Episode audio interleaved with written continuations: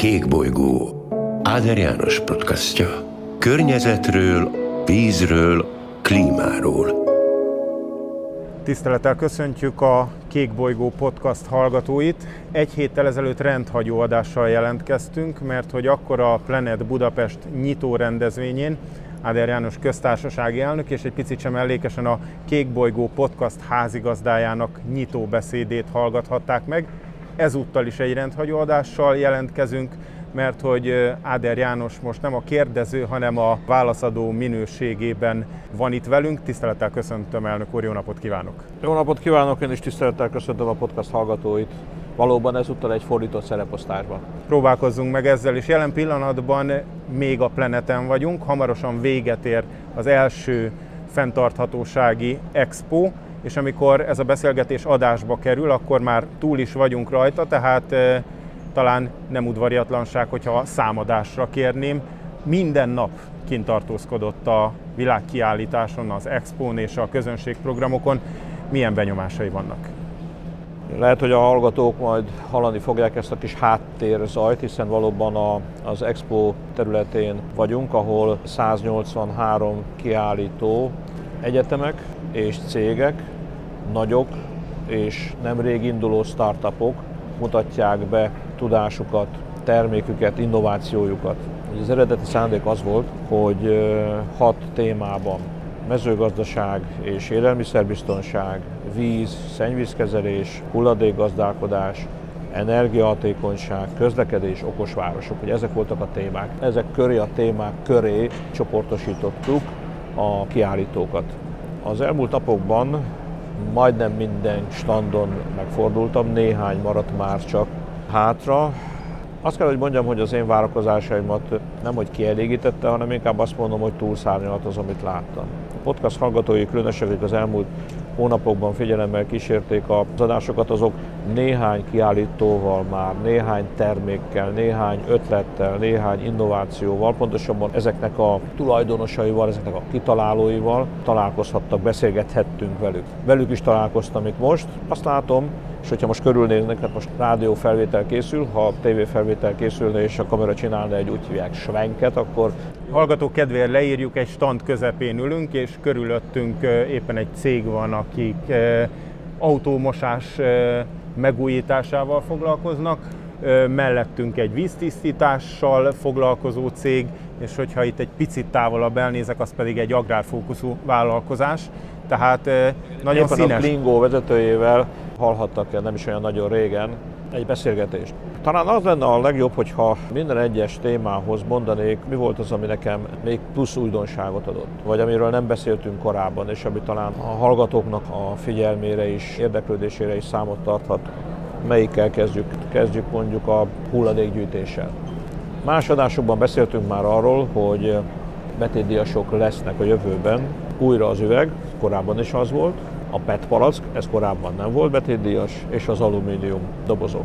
Most itt láthatnak az ideérkezők egy olyan magyar automatát, ahova ha bedobjuk a PET palackot, bedobjuk az üveget és bedobjuk az alumínium dobozt, egy ilyen kis csőbe kell egészen pontosan behelyezni, ott egy lézer leolvassa, vagy pontosan most milyen termék is érkezett, szétválogatja, külön frakcióba szétgyűjti, és kiállít nekünk egy kis csekket, tehát attól függően, hogy 30 forint, 50 forint, vagy akár ennél több lesz a betétdíj, a betétdíjról kapunk egy csekket, ezt megkapjuk, és utána, amikor fizetünk a pénztárnál, ezt elszámolják nekünk. Ez egy működő gyakorlat, amikor én Brüsszelben éltem, a Döle záruházakban rendszeresen lehetett ezt a megoldást alkalmazni.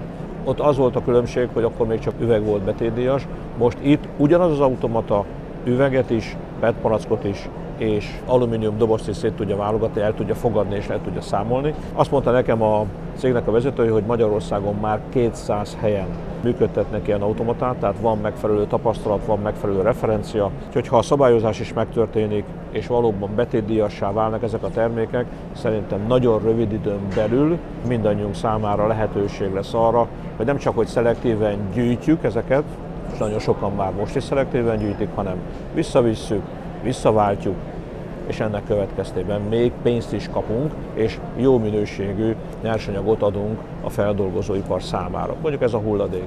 Melyik legyen a második? Legyen az agrárium, a mezőgazdaság. Egy nagyon nagy kérdés az állati fehérje előállítása. Nagyon sok szóját importálunk, és halliszet importálunk. Lehet, hogy annyira nem tetszetős ez, amit most mondok, de van az úgynevezett fekete katonalégy, és ennek a fekete katonalégynek a lárvájából tudnak majd jó minőségű állati takarmányt előállítani, fehérjét előállítani, ez takarmány kiegészítő egészen pontosan. Egy új cég, most már a technikát bemutatták, egy új cég megalapítása és egy új üzem létesítése az, ami szerepel. Egy másik ami egészen elképesztő távlatokat nyit meg a növényvédelemben. Két olyan cég is van, amelyik robottal egy drón egész pontosan, repülőrobot, nagyobb, tehát a hagyományos, a átlagos hétköznapi használatból ismert robotnál azért jóval nagyobb gépet kell elképzelnünk, nagyobb fesztávolságú szárnyakkal. Mi az, amit tud ez a drón? Ötöd annyi permetszer felhasználásával, rendkívül precíziósan, ki tudja juttatni akár a rovarölőszereket, akár a, a gombaölőszereket a növényekre, és az nagyon fontos, hogy ötöd annyi és sokkal pontosabban jut el egyébként a növényre és a felületre.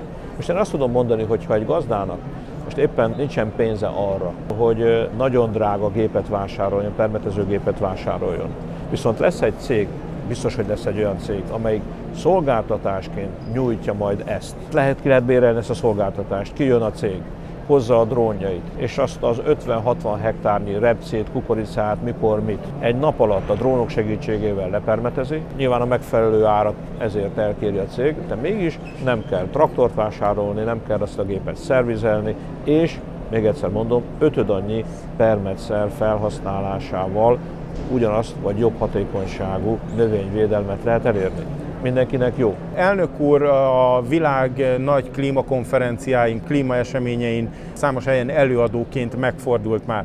Ezeknek a konferenciáknak, világtalálkozóknak ismérve, hogy elfogadnak egy zárónyilatkozatot, aztán azzal vagy lesz valami, vagy nem. A Planet ehhez képest mennyivel más, mennyivel több?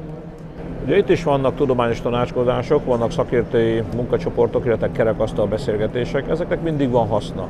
Itt most nem volt olyan cél, hogy egy megállapodást elfogadjunk, tehát legyen egy budapesti nyilatkozat a Planet 21 kapcsán, nem volt ilyen szándékunk.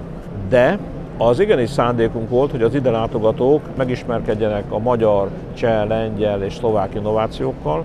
Ezek a delegációk ugye a, mondjuk a szomszédépületből ide jönnek, azt mondják, hogy hoho, hát itt nem csak beszélgetünk egy, egy problémáról, nem csak teoretikusan közelítjük meg ezt a problémát, hanem megnézzük, hogy ezeknek a derékkiállítóknak milyen megoldási javaslataik vannak. A fejlesztők számára felvevő piacot hoztak ide gyakorlatilag átsétálom másik épületbe, átsétáltak a másik épületbe, akkor pedig azt láthatták, hogy a 11 úgynevezett fenntarthatósági cél tekintetében hogyan mutatjuk mivel a problémát interaktív módon, hogyan tesszük a mondjuk nem annyira tudományos ismeretekkel felvértezettek számára is közérthetővé magát a problémát. Megmutatjuk, hogy ha ebbe az irányba megyünk tovább, akkor milyen veszélyek leselkednek ránk, illetve hogy na és akkor mit tehetünk mi ez ellen. És a negyedik csarnokban pedig volt az úgynevezett Heroes of the Future, tehát a jövő hősei.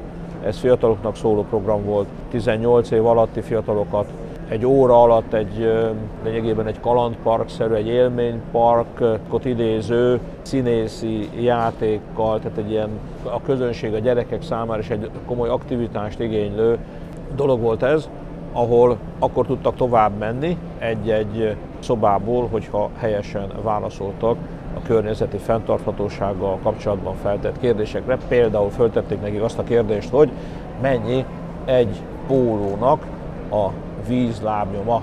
Három megoldás közül választottak, nem mindig találták el a helyes választ, ami 2700 liter. A másik helyen föltették azt a kérdést, hogy na és akkor mennyi plastik, mennyi mikroműanyag jut a szervezetünkbe hetente. Hát nagyon megdöbbentő volt az adat, hogy egy, diák egy diák igazolvány méretű, nem is gondolnánk. Fel se fogjuk ezt, mert olyan apró méret, hogy nem is lehet látni nanoméret adott esetben, de hogyha ezeket összeadjuk, ezt a sok kis apró kis műanyagot, már most ennyi jut a szervezetünkbe. És hát az emberi test nem úgy néz ki, nem úgy épül fel, hogy a műanyag fogyasztására, a műanyag megemésztésére, a műanyag befogadására alkalmas lenne. Mind a mai napig nem tudjuk, hogy ennek milyen káros hatásai lehetnek majd a későbbiekben, tehát jó lenne ezt korlátozni és ehhez a megoldásokat megtalálni.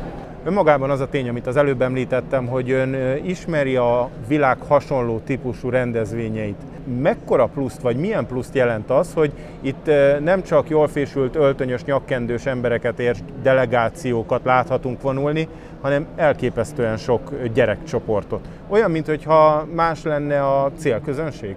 Szándékos volt az, hogy a fiataloknak is megmutassuk egyébként, hogy mi a probléma, közben itt a háttérben, ezt majd kivágjuk az adásból, itt a fiatalok nagy lelkesedéssel nézik, hogy itt adásban vagyunk, azt gondolják, hogy egyébként ez egy élő adás, mint egy zárójel bezárva, nagyon csápolgatnak, visszacsápolgattam, na tehát. De egy ilyen interaktív helyszínnek a, és az élő beszélgetés varázsa, tehát benne is maradhat a beszélgetésben, ne legyen teljesen mesterkélt. Szóval miért fontos az, hogy a öltönyös delegációk felvonulása mellett legalább annyi, de megmerem kockáztatni, hogy több gyermekcsoportot láthattunk itt?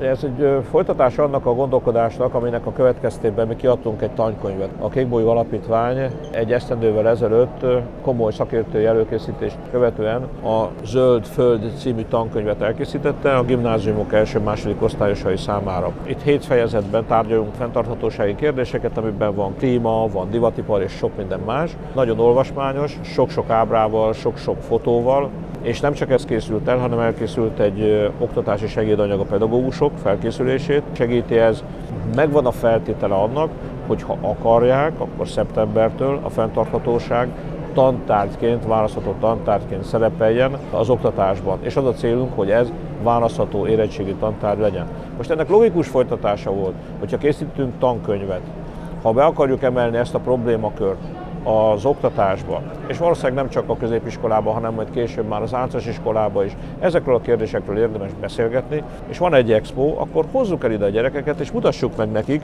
nagyon egyszerű formában, vagy interaktív lehetőségeket biztosítva a számukra, a tudásukat gyarapítva, az érdeklődésüket felkeltő módon, hogy mi is az, amiről mi beszélünk, hogy ez hogyan befolyásolja az ő személyes életüket, az ő jövőjüket, hiszen erről beszélünk. Magam korabéliek 60 fölött hát mondjuk így, hogy túl vagyunk már életünk derén. De ezek a gyerekek itt fognak élni, még lehet, hogy két ember öltött. Egy tíz éves gyereknek még két ember öltő simán. Ott van a lehetőségei között. Él még itt 50-60-70 évet, és legalább olyan világban szeretne élni, mint mi. Nyilván nem akar sem a komfortfokozatból, sem a lehetőségekből visszalépni, de ugyanakkor az a fogyasztás és az a túlfogyasztás, ami nem csak a háztartásokra jellemző, hanem az iparra, szolgáltató szektorra is. És az a dobdel kultúra, amiről többször beszéltünk.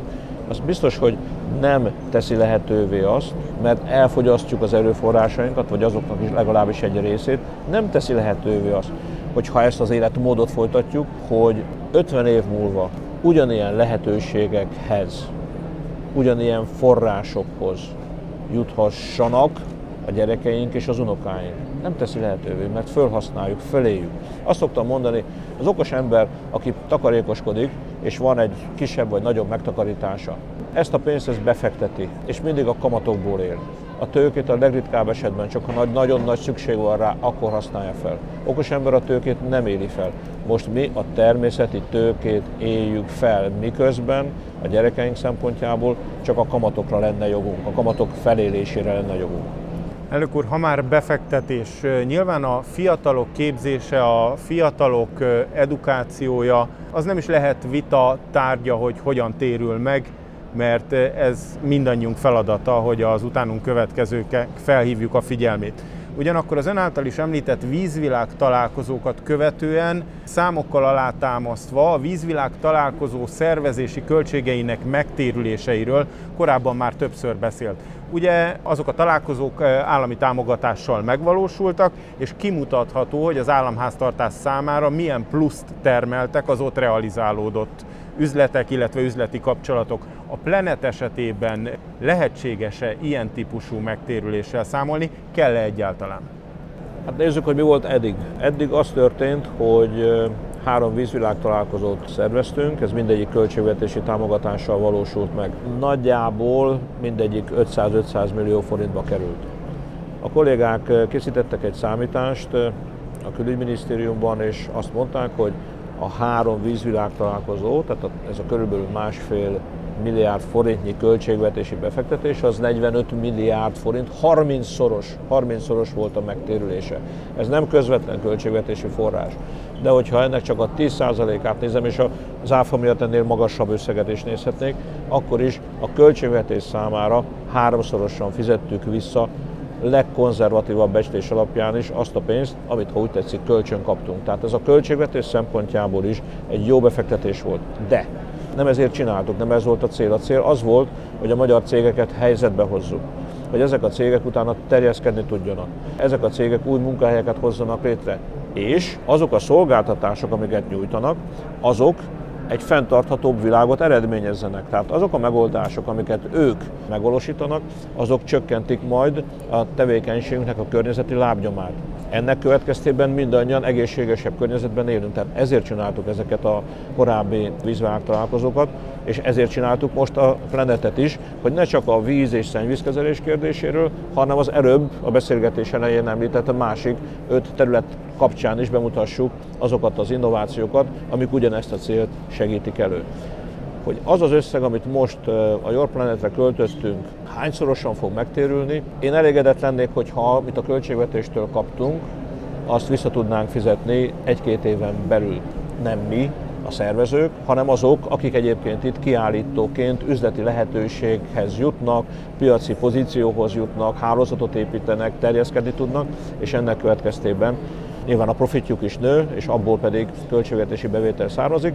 Ha csak azt az összeget vissza tudjuk fizetni, amibe ez a planet került, akkor szerintem ez már az összes járulékos hasznot nem is számolva már megérte, és gyorsan tegyük hozzá, hogy a társadalmi hasznosság az Így pedig van. nem is forintosítható. Így van, és akkor nem beszéltünk az edukációs részéről, hogy a, a gyerekeknek a szemléletváltása, nem beszéltünk arról egyébként, hogy a média révén, akik tudósítottak erről a rendezvényről, olyan embereknek is az érdeklődését fölkelthettük, akik nem jártak. Vágok, ha már a médiát említette, és úgy fogalmazott, hogy akik tudósítottak erről.